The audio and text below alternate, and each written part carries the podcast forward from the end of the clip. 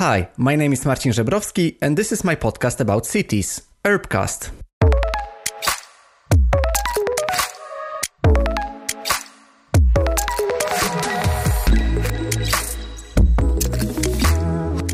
Hi, and welcome to the newest episode of my podcast. And actually, this is the last episode in this month. Obviously, it's 30th of June. And I think that I have the best possible way to end my internship at Henning Larsen which is talking to one of the partners who is uh, responsible for the innovation and sustainability.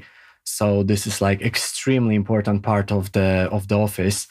And today my guest is Jakob Strømann Andersen, who is real expert on sustainability and innovation matters. Jakob has been gathering his experience at the Technical University of Denmark and while pursuing his industrial PhD as a part of Henning Larsen, he started to implementing and introducing sustainability to the work of, of the office. And I was very, very curious how it was to start introducing architects to sustainability and to engineering back in the days more than 12 years ago.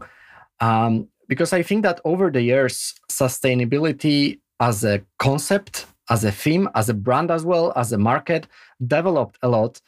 And to this point that we hear the theme, the topic, the, the word sustainability almost everywhere nowadays. almost everything can be sustainable. You, we have sustainable cities. And maybe let's stay um, with this, as this is the podcast about cities, about urbanism, architecture.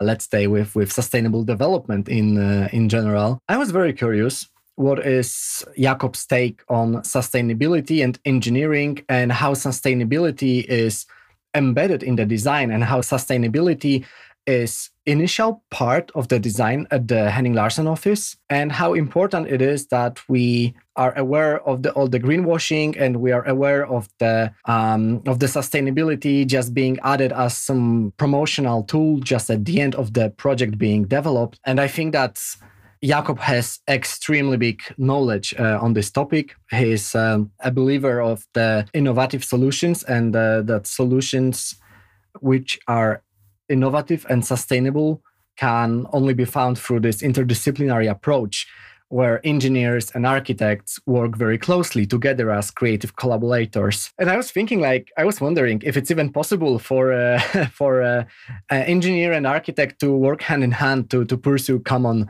uh, dreams and develop common projects. And that, that this technical knowledge and this visionary approach meet somewhere in the middle. The question is can they even meet in the middle? And this is something that i wanted to discuss today with with jakob but also we talk about like how sustainability influences our life and how we can um, start to get our interest in sustainability how to educate ourselves and how it was for jakob to start his journey with sustainability, which lasts uh, many, many years now. And we try to answer the main question that I had in my head uh, for this talk, which is what is sustainability nowadays? How does it work? What does it mean to be sustainable in 2021? So just listen to the talk and try to capture the and grasp the essence of Jakob's approach because I think it's extremely, extremely inspiring. Welcome to the newest talk with Jakob.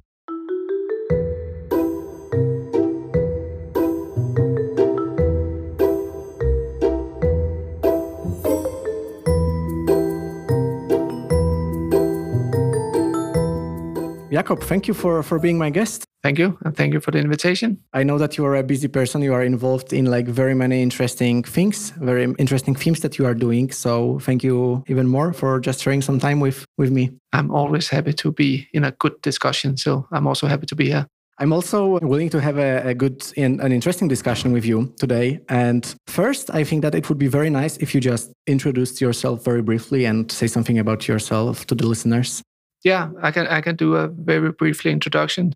Yeah, my name is Jakob Strømann Andersen. I'm a partner at Henning Larsen Architects. I've been here for 12 years. I'm a director of innovation and sustainability. Actually, I I'm not a trained architect. Actually, I'm a, I'm a trained engineer, so I, I kind of love numbers. So that's also when we're going to talk about sustainability, that are also going to shine discussion about the quantitative discussion about sustainability, how we could put numbers of, of on stuff. But I started in here as a, I've spent in 10 years at the Technical University of Denmark, started as a bachelor, then doing a master, then I did a PhD the whole whole way through. But I did an industrial PhD. That's a setup we have in Denmark where you can actually be employed by a company and do research, and half the time you spend at the university, and half the time you spend at the company. So that's why and how I started at Henning Larsen Architects. the approached the Technical University of Denmark and said they want some clever people that should look into sustainability or sustainable design. And they want to do it as a research project. And I started up as an industrial PhD employed by the company to, to understand how our city planning affect the energy consumption of our building. It was not so much about the infrastructure, but it's about the, the nature, the, the passive means about solar gain, wind, microclimate mm. in regard to how we mass our cities. So that's that's a, that is how how we started, and I've been setting up our sustainability department where we do a lot of nerdy stuff, helping the design team uh, to improve the design and it's quite important that it's not like it's not a chapter in the end that talks about sustainability. It's, it's the way that we think as architecture, and that's also where we create the most effect. So we have a small team that that looks into sustainability, and it's it's very much also the the idea of doing research have been I was the first PhD, and we have eight PhD uh, through the, the, whole organization since since I started, and it's still something that we want to continue to be high end on the on the quality of research. So you just showed a new way, in a way. You just showed a new perspective of this industrial PhD within the company, and I think it's also important to emphasize that you became the the first non-architect partner. Yeah, that's that's that's right. Uh, uh I was the first non-architect partner at Henning Larsen, uh, engineering partner. So that's like that's also a big step for not only me but also Henning Larsen. Uh, and now we're bigger, bigger of, the bigger family with Ramboll. So my role is also to do the bridge uh, through Ramboll to understand how we can bring in the specialties, the good people from Ramboll at the the time where it makes sense for our design. So, so that is also very much where I see my role in, in the dialogue about bringing the right people to the table. I was also reading that you really try to combine the, the language of an engineer and an architect yeah, in a way. Yeah. And how is it even possible? Yeah, that, that's difficult. I was talking about this. You have a left and a right brain. Um, and it's like when I started in here, I was very kind of um, because uh, as engineer you are trained to do uh, from A exercise A, B, C, and D, and then when you finalize exercise D, you can put two kind of line on it. Then it, then it's done, and then you can go home and relax. But it's not that in architecture. Architecture have to involve every time. You know, you're not allowed to do the same design twice. You have to be innovative all the time. And that's very, very opposite about how engineers thinking. That is about refining, refining the result, refining, refining until you have the end. You're kind of looking for something optimal, optimum. That's not the way that architecture do it. It's about reinventing everything. So that's that's been the biggest change also for me to to learn when to use the, the left brain, that is the, my creative brain, and then the right brain is like my number brain, uh, uh, the more quantitative uh, part of it and you are successful in uh, kind of combining those yeah, two halves I think of that, the brain. That, that, that's some of the learning that um, that's learning from both uh, side of the brain, but uh, but from the engineering brain, it's very much about also being able to to inspire people, but also take uh, tell good stories about uh, engineering. Bringing the good stories to the table is not only about quantifying things; it's also creating ambition, vision, and and create a movement and that where uh, engineers have a big role and also something to learn to to be visionary in the way that they they, they use the profession. And the, the other brain is more about being able to talk with the architect or learn the architects also to bring numbers in and, and talk about the effect that architecture create. Sometimes when you talk with architects it's very kind of academic talk about what is beauty. But i think i'm learned also from the 10 years i also think that the the uh, studio have learned that we also need to talk about the effects and be able to measure the effect that architects create on the environment, on the human, and, and on the uh, business case. So I think that is that is the learning from the right and the left brain uh, mm-hmm. to bring those tools together.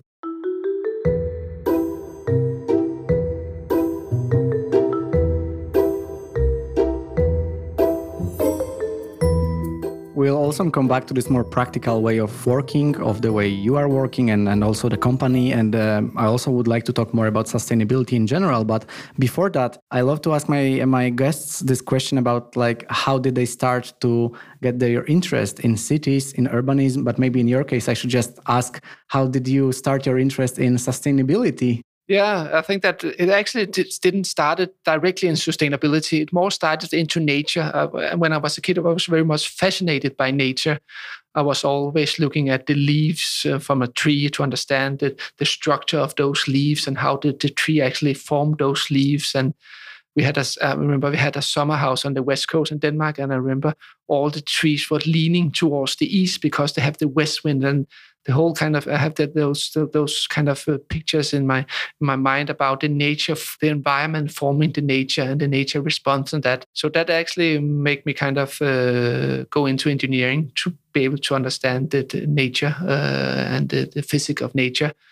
Uh, I was very much fascinated by bridge design, old engineering. Uh, actually, named my older. I have four kids. I named my oldest son after an engineer called uh, Cecil Balmond, as a French engineer, like the the, the old schools of engineering that, that did a lot of focus on the forming and then minimizing the material uses that you can actually see the forces moving through the structure. And that that had also been inspiring me talking about sustainability, that understanding of forces and nature, you can actually minimize in the, the resources that that you use in your constructions to improve the whole life cycle of the building. But it's understanding of the physics behind nature to be able to do that. So that, that was a long story about how I actually got into engineering but it's really deep in your roots and i can see that you are very passionate about the topic and you are also uh, educated and you kind of mastered this knowledge as well so i think that you are a very knowledgeable person to talk about sustainability and i'm very happy about it that we will talk about it because i have some sometimes i have a struggle to understand those those very um, fancy famous words sometimes they might be even buzzwords and yeah, yeah, yeah. and to me sometimes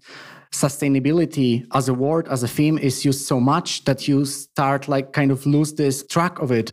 And here i would like to ask you how do you understand sustainability? Can we even have like one general understanding of it or or it's rather more personal I think that that's a good question. I think it's more personal because I think sustainability is very much about there's no kind of correct answer. It's more about a mindset uh, that you all work within the same mindset about getting the most out, out of the resources that we have, protecting the, the nature, the Mother Earth, because we are blowing up the ecological budget every year. So I think we are using one point uh, or almost two twice as much as the Earth can produce of resources. So so is going down the wrong road. So I think that's for me, it's more about the mindset that we know there is an issue here and we know to react to it. But there's more a lot of different ways to react to it. But I think what we try to learn or try to preach here at Henning Larsen is we are architects. We design building for people.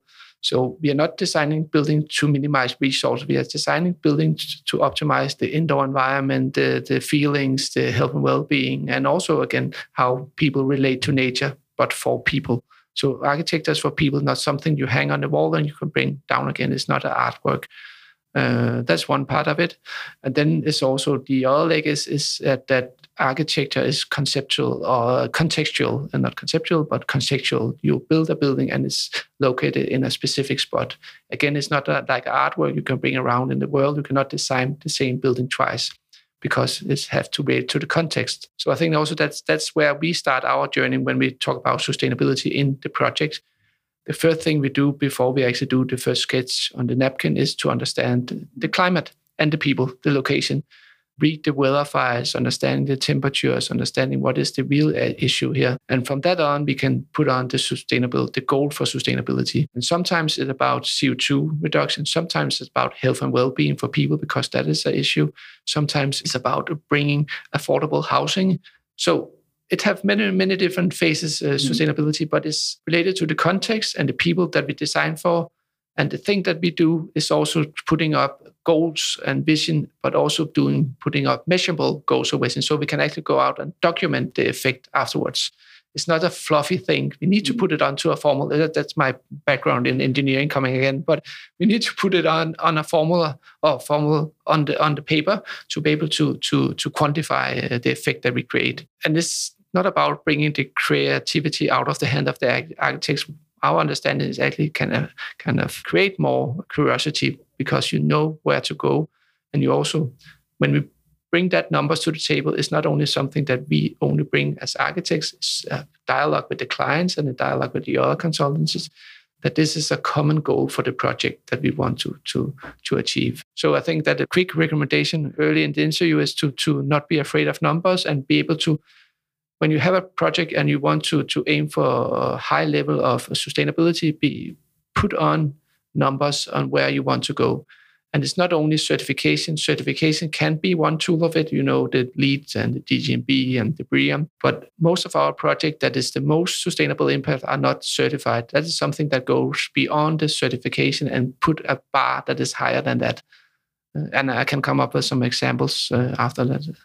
I understand that the whole perception of sustainability also developed with years and developed as a market in a way. And you mentioned the certificates and so on. And of course, we can come back to that. I'm also interested how it was for you back 10 years ago to start thinking about the sustainability in the design processes and kind of bringing it to the table was it that you kind of had to get other people on board get the architects on board to start thinking in a sustainable way or, or was it the other way one of the learnings that when I came in here, I was very afraid to challenge the architects and bring the numbers to the table because as engineer, I thought architecture was something about having the freedom, the creativity, the, the, the, freedom to do everything.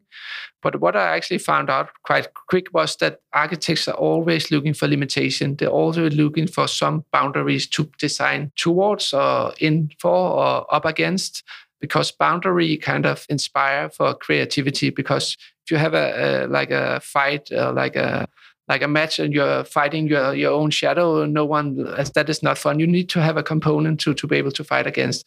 And those uh, ambition for sustainability early on became those boundaries that frames the architecture and, the one, things that we want to get benchmarks against. So I think that was one of the early learnings that when I came here, I, I was so afraid of, of telling them what to do. But very quickly I learned that it was good to set up some direction and some boundaries and benchmark because then architects felt that they have a bigger purpose on the design and they could actually discuss design on, on the next level. So I think that was not so much uh, fighting against it. Uh, I think that was more like a mentality thing that actually learning by being here 10 years, I've been pushing even more and more and more.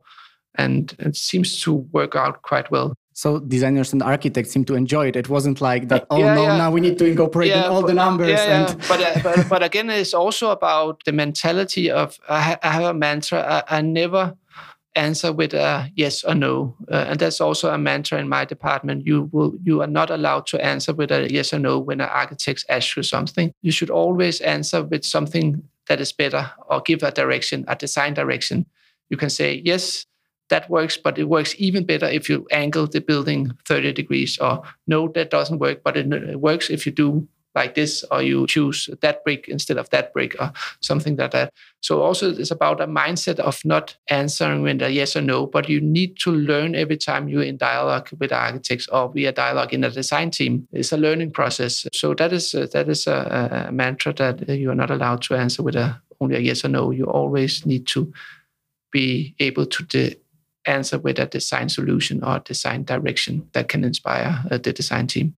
I also uh, recently, when I want to understand something better, I try to reverse. And uh, I wanted to ask uh, the same question in our discussion because we talk about many things about sustainability, what the sustainability is, and how it is influenced by the design and how it influences the design. But maybe we could try to answer the question what sustainability is not. Yeah, what is not? Um, I think that's something that we are really kind of aware of is like greenwashing. I think that's also again coming back to the numbers. You should be able to quantify the effect that you create. And sometimes it can be very easy to quantify the energy savings as kilowatt hours. It's quite simple. But where we have been moving in that department or at the office the last year is also to quantify the effect on the human people. Or the, the, the we have been last two PhD that we have in have worked with human science and sensor data or dynamic sensor driven data that is related to people, the occupancy and health and well-being. So I think that's we need to again come back to my background. We need to be able to to put numbers on sustainability because then we can start to compare apples and pears and bananas. Uh, otherwise, is it's too fluffy. Sustainability is is something that that need to create an effect and be able to quantify that effect, you need to be able to to put numbers on, on stuff. I'm asking because I, I, see this kind of a threat that with the development of this whole sustainability as a market, as a brand as well, there are many, many tempting opportunities like all the green certifications and all this also greenwashing. And I was just wondering how can we avoid doing this, doing the design just for the sake of having some green badge saying it's uh, certified, it's green. Yeah, exactly. But it's it's like a involving, or it's like it's a process that is ongoing. And I think from our our point of view, we have been very much engaged with the political work also to to put up like ambitions, pushing the building regulation, pushing the the certification. And what I said before that that some of our most sustainable projects are not certified. That's actually because it goes above, uh, above the certification and focus on some specific areas. We have been designing just beside designing a whole new school building straw. It doesn't fulfill the indoor uh, uh requirement because it's have a heavy walls and it's it uh, doesn't have mechanical. It's have natural ventilation. Um, but it does something else. It challenges the way that we use resources, uh, the embodied CO2, and goes all the way to see how much can we lower the CO2 impact in the upfront carbon. And then you have to pull something aside and, and be able to focus that. And we do this project to actually push the boundary into that certain area. Then we do a project that is in pre 3D printed concrete, that is not straw, that is concrete, that is challenging the, the manufacturing process, see how much can we actually get out of the resources that we already have and optimize that. We do a project focused on artificial light in school that that looks uh, that doesn't fulfill the building regulation either, but it changes the way that we talk about light in school. So I think that having those pioneer projects out there and be able to talk about how they can affect uh, what we do and bring that into the legislation and regulation to me as like we are, i often see that the whole journey is like a big mixer pult uh, that you are able to turn one tone and the other tone and then it's about all time fine tuning each of them uh, be able to move you kind of your end kind of uh, symphony in the in the right direction but if it's playing uh, if it's a rock concert or it's a classic concert or an R&B concert, it, it, really doesn't matter. The only thing that is it is not a one-man band; it's like a co-creation journey. So I think that I'm not so afraid of what is not. The only thing is that you should be able to tell or you should be able to we are, we are very open on what we do and what we not do and when we do a 3d printed concrete project we know that this is not the solution for everything and the same when we build a, a building in uh, our school in straw, we know that we cannot design high rise in in Middle East or in uh, in London in, in straw elements. Uh, we we know that, but we know that is this is pushing the mindset that we talk about. The idea of we are all on the same journey. Someone goes that direction, someone goes that direction, but sometimes our way crosses and uh, a solution happens. But the only thing that we want to avoid is people turning around and going backwards. Some are moving fast. Some is like Usain Bolt that just go, and some of them are uh, like Mark Grandmont that is more slowly, but it's also okay as least that we all move in the right direction. That was also a, a very brilliant reference with the music that you gave. I, I, think that this is also about like how we understand it and how we show our skills. And you've been talking about the materiality and also about the designing skills. We've been talking about how engineers and architects are meeting. And I'm just wondering if you talk about sustainability and designing, how much of this is this kind of technical skills and how much of this is more like humanistic approach yeah. and understanding yeah. can it be combined in a way for the best result uh, yeah it should be combined and it is combined uh, but i think that one of the learning is also uh, regarding the technical skills is this more technical or the, the knowledge you have about technical the more human you can be, so to speak. Like, for example, uh, about uh, residential, there's high requirement for air changes about mechanical systems. Uh, but uh, a lot of engineers, if they're um, not that clever, they just tend to, to go to the standard and bring in a mechanical system because that is what the regulation says. But if you talk with a smart engineer, he starts to understand what kind of people are using the space, when are they home, what is the time of year they're using the space? How can we utilize in the passive means in a clever way? Balance the sizes of window towards the orientation so we don't avoid overheating but still get daylight in. If you kind of have those discussions, you need to have a technical background to understand what you need to avoid. So I think that's uh, that's also why we're looking into research that we are not looking for general people that have a general understanding. Uh, I think that is. Uh, I don't like talking to people that are just. Uh, I like into talking to experts because they can be quite nerdy, but then it's up to us as as designer to bring that special knowledge into a bigger context uh, to and find the, the balance between those poles out there. But again, the, my ambition is that going more in the technical direction is not about bringing more technique in, into the building. It's actually the opposite to take more technique out of the building. But you have to have a technical understanding to bring out technique out of the building. So I think that is something that often we misunderstand when we talk about talk with a technical uh, person or a person that have a technical know-how that we kind of relate that person with technical solutions. I think that is actually the opposite. That this person actually can bring out technique the building. I think that's a that's a quite good example of a ah, I don't remember that's in Switzerland by Baumschlager Eberle, a building called. Uh, it's an office building, but it's only have an iPad as control system. and Have a very small car. This iPad control everything in passive means in the building. It's monitoring how many people are in the building. There's sensors everywhere, but there's no HVAC system, no mechanical system. So they might measure how are the building used by the people and what is the nature, the, the weather outside, and then the balance, the openings, uh, ventilation and cross ventilation. And they have a huge mass so it can stabilize the climate during day and year. I think that is a very clever understanding of, of how to bring technique into the building understanding with mm. a human perspective. I think that that's that's also what what we should be aiming for. I think that's too much technique in our building at the moment. We should go back to more intuitive design.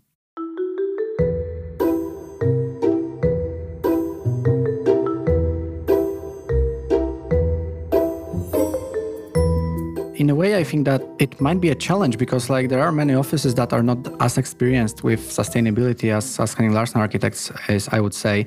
And what would you recommend if you can say, or how would you avoid this adding sustainability as the last step of the design? This is something you mentioned at the beginning of our talk that this is not about adding sustainability just on the top of the, no, of no, the no, cake, right? No.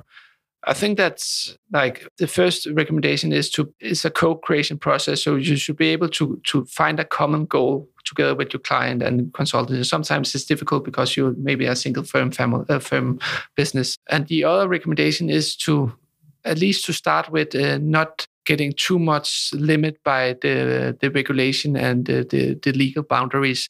Of course, you need to fulfill the standard end the end, but sometimes you can also do better by actually understanding who are you building for, where are you building. Like I said to start with, we are building for people, and we're always building in a context. And sometimes uh, the regulation they are often standardized across globally, across Europe, across Denmark borders, across uh, municipalities, but they are they're quite standardized for regional standardized, uh, climate standardized, and typology standardized. And here you should use your your more your common sense and say where can I actually do the bis- biggest impact for for that client. Um, I have a, a small example that where we are in dialogue with the people that do the standardization. In, in Denmark, they have been very much focused on energy consumption for the last 10 years, minimizing the, the use of energy in buildings. And we have uh, the regulation have been changed every second years, the last 10 years, lowering, lowering, lowering the energy consumption.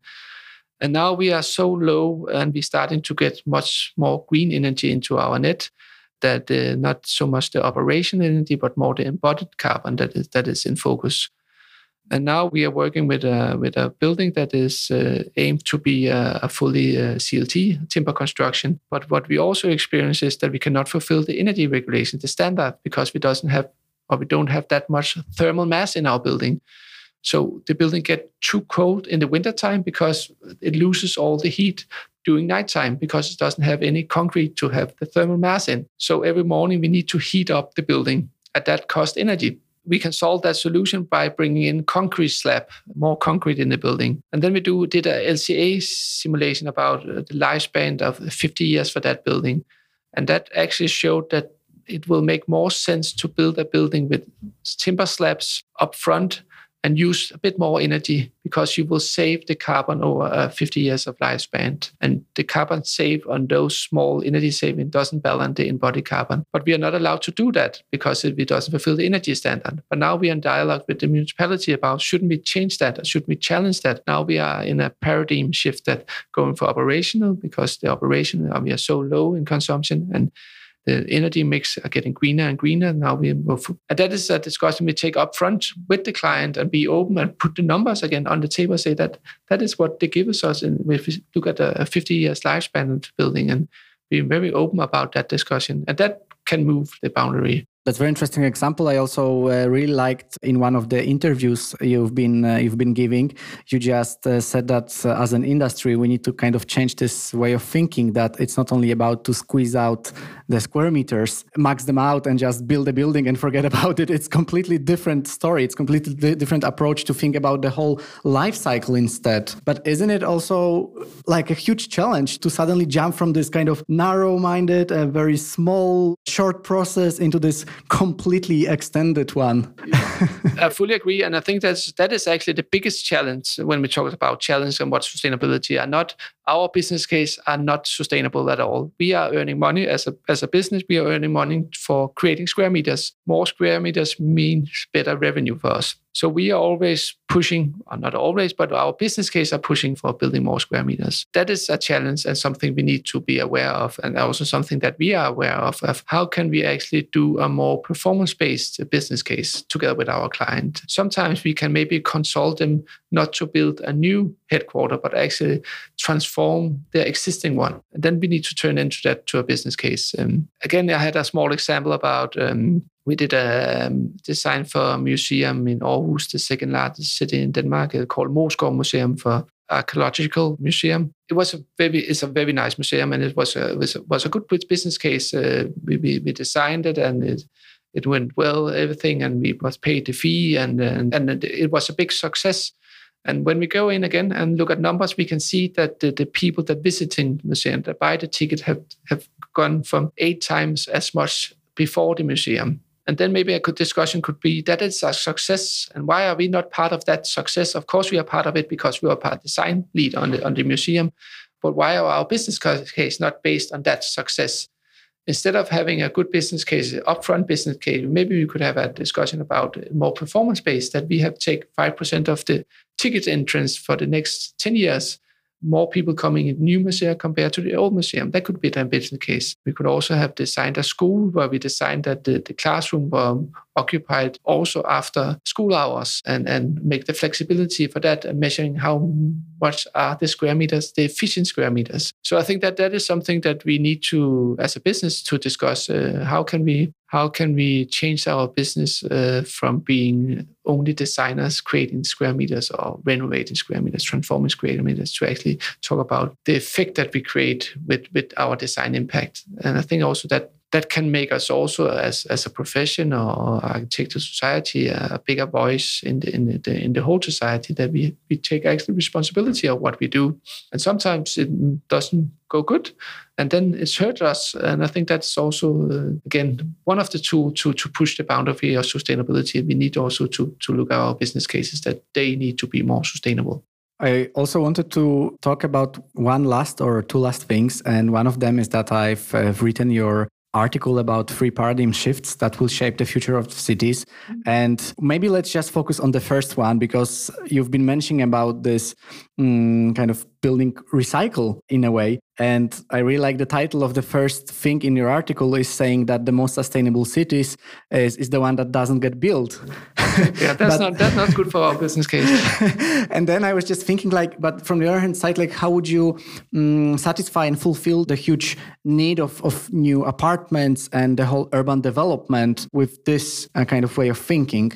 I think that what what I mean with that is that that we need to be aware what we already have out there, the resources that that we have consumed, and how we can rethink them and recycle them. Um, and the other thing is, is very much about also what the pandemic have been driving that the dying of the, the old typologies that a home is a home, a workplace a workplace, and uh, and uh, leisure is a leisure. Uh, that that things are moving much more together and getting much more diverse. Mm.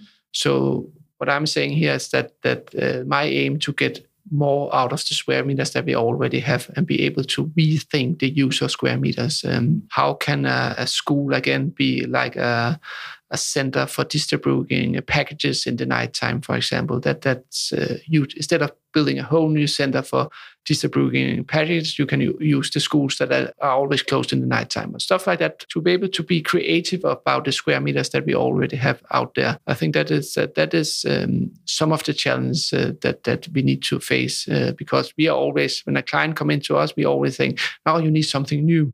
But actually be able to look out there what what is what is there and how can you actually be also able to adapt to it. I think also that is a that is a mindset that that, we are always thinking that the square meter should adapt to our purpose or our use but maybe we should start to think the other way around. How can we actually adapt to the square meters that we already have and how can we adapt our organization to that to this? How can we work more flexible? How can we live smarter within the square meters instead of actually always adding to it? So also uh, again how can we combine the technique but also can how can we bind the understanding of human being to be able to live more smart in the, in the building that we have. And again, also that for that article, that also go into the, the second one that is about uh, the most sustainable city is the city that never sleeps. It, it doesn't seem seem healthy from a human perspective never to be able to sleep. But again, uh, also when we have the, the pandemic, the business centers that was totally empty for one year, that was a waste of resources and a waste of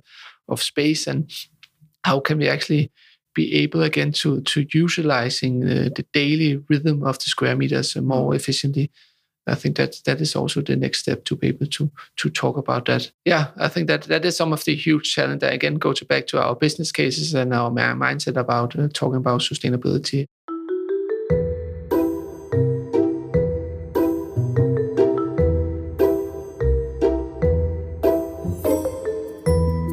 I think we also talked a lot about this paradigm shift and the, and the shift in, in thinking in a way. And I also think that we managed to kind of break down the sustainability into smaller pieces and talk about them. But just, just this last thing as a last thought, could you just try to say what is sustainability nowadays, what it is in 2021, just in a nutshell as a closing thought? Yeah, I think that's from my point of view, sustainability is getting more and more technical digital, uh, sensor-based, uh, IoT, uh, PropTech, parametric design, generative design, AI, a lot of those those um, tools that we are working with to improve the performance. That is the one leg of it, and the other leg is is getting more and more humanized and it's getting more and more back to basis. I think that that is my biggest advice. That you should never uh, go the the kind of the easy way in the middle. You should always push for one direction and the other direction. And also my understanding for working with this in 10 years that if you go for more digital AI, you're also getting more basic out architecture out of mm. it, more humans architecture. I don't think that my learning is it's not opposite. And I like to bring both coming back to the right and left brain. My advice is bring both brains into your company or into your mindset or into your projects. I think that is where the good discussion happens, and there's where the good discussion uh, been taking. So I'm building our team up of uh, we all we uh, maybe it's a bit uh, small commercial here. We are, we are looking for architects, a new architect for our department, but an architect that can code, that can do scripting, uh, that can do CC plus, um, and that, I think that we haven't done that for five years ago. We have never gone that direction, but we can see that working with client, being more contextual a digital workflow about uh, performance sustainability is not about the traditional BIM workflow, uh, IoT or agreement, and be able to developing the modeling. It's much more about co-creating new digital software that can enable sustainability or sustainable solution into the design process, but also afterlife in the operation and maintenance. And so I think that is that's a whole new mind- mindset that we need to reinvent those uh, tools on the way. I think that's also my. If I have a, you asked me in the beginning, should I, can I recommend a book where you can be more or be inspired or get more knowledge on sustainability? And I, I was just thinking and thinking what what kind of book should I bring to the table? But I think what what my learning is that I'm I'm starting to be an old guy now. I'm getting most inspired going out to the university or the School of Architecture to see that the master thesis that they are delivering and uh, I think the best application that we also get uh, is from young people because young people have a different mindset about sustainability. They have a different kind of responsibility about it. Uh, you know, the whole uh, Greta kind of movement is is that it just have it's just embedded in the way that they live their life. Uh, I think that is one thing about young people that that's just uh, to be talked about mindset to start with, and all the old guys we had massaging the mindset into their brains, and but the young people just have the mindset they just want to go. There's no no other direction. They they they are seeing they cannot. Uh, I'm too old. I have got my kids, but young people can say that should I get kids in this world that is going that direction? So that's there's a bigger puzzle uh, here. Um, so that is one thing, and then that's about the, the digital and the, the tools and uh, that they are just more upfront. Uh, is going so fast, and it's like uh, we are very much relying on the open source Grasshopper Rhino scripting uh, structural, LCA, carbon, climate, microclimate, all those things are not standardized. They're always evolving and always uh, building on top of. So, so the whole digital mindset and uh, the, the mindset about being able to live in a world that is performing better in 50 years. Uh, so my my recommendation is to, to, go out to the School of Architecture, see the master thesis that they put up there, be part of uh, all all uh, like uh, exams are open, so you're free to go there. I think I, I went to, to, two exams uh, this uh, this summer here to be inspired, where I just saw a title of a project and then just went there after after work to to get inspired. I didn't know knew the person that was presenting, but I think that's also a way to stimulate uh, yourself. Not looking in an old book that's also not so sustainable to print on paper anymore. It's much more about the digital presentation, being there together with with the, the guys that present. Um, so that will be my recommendation to to meet the young people so your recommendation would be to learn from the younger generation, but I I can assume that there are also people who are extremely inspired by uh, your work and also the talk that we have. So um, just uh, if you could say where can people find you after our talk? How can yeah, they reach yeah, you? Yeah, yeah, yeah. yeah. But they can people can always find me. I'm uh, I'm uh, I'm so active on uh, you know uh, on social media. So I think that that is also the new meeting plate. to, just to be honest, I'm an old guy again, but there have been a lot of bad talking about social media, uh, but I think that that I very much use social media to get in t- contact with good people that can inspire me.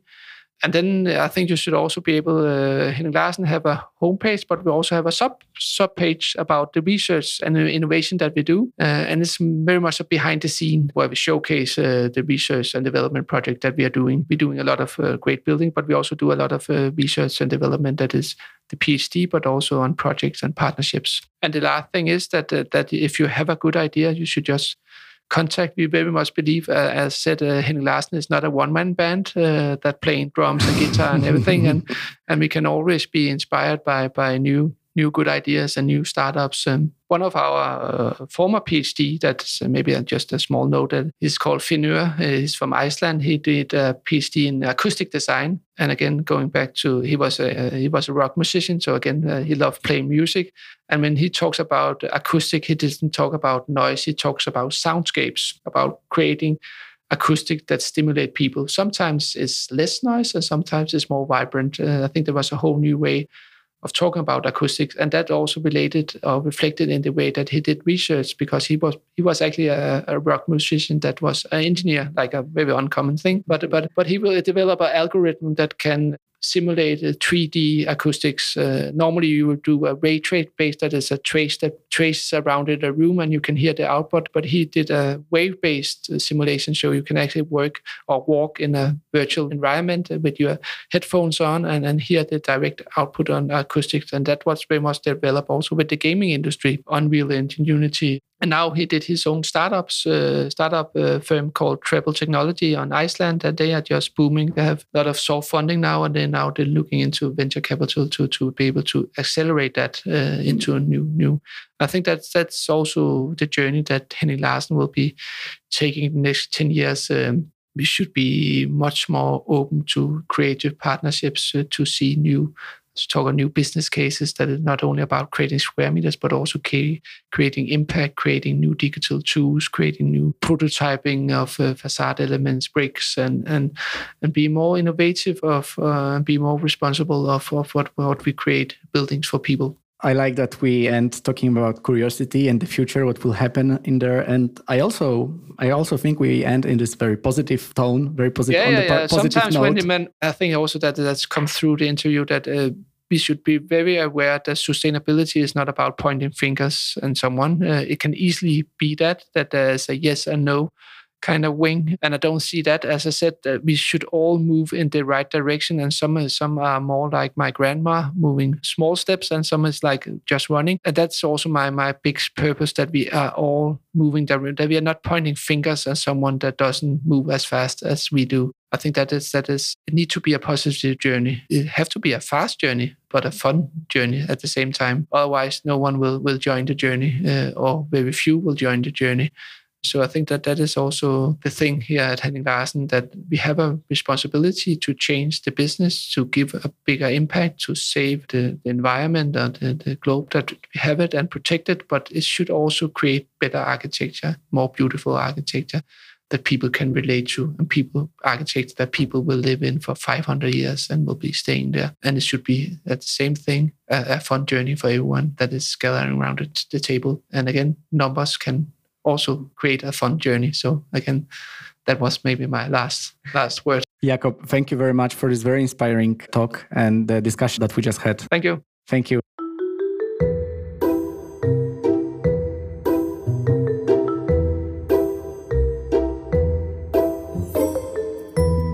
Thank you for listening to the newest episode of Herbcast. I'm very happy to be able to talk with people who are extremely educated and so passionate about what they are doing. And I didn't expect that by joining to Henning Larsen, I will be able to talk with so many different and yeah, I mean, people who are doing not only architecture, not in a sense that you sit and you design and, and do new drawings and new options. You really live for doing this. And many many people especially the ones who are there for many many years and have been founding some basis for what is there now it, it's so interesting to to talk to them so i'm very happy that i was able to talk to jakob that i was also able to talk to Signe who are actually both involved in uh, creating the sustainability department at henning larsen. And i think that this is the way to go like learning from those people that you talk with. This is very very inspiring.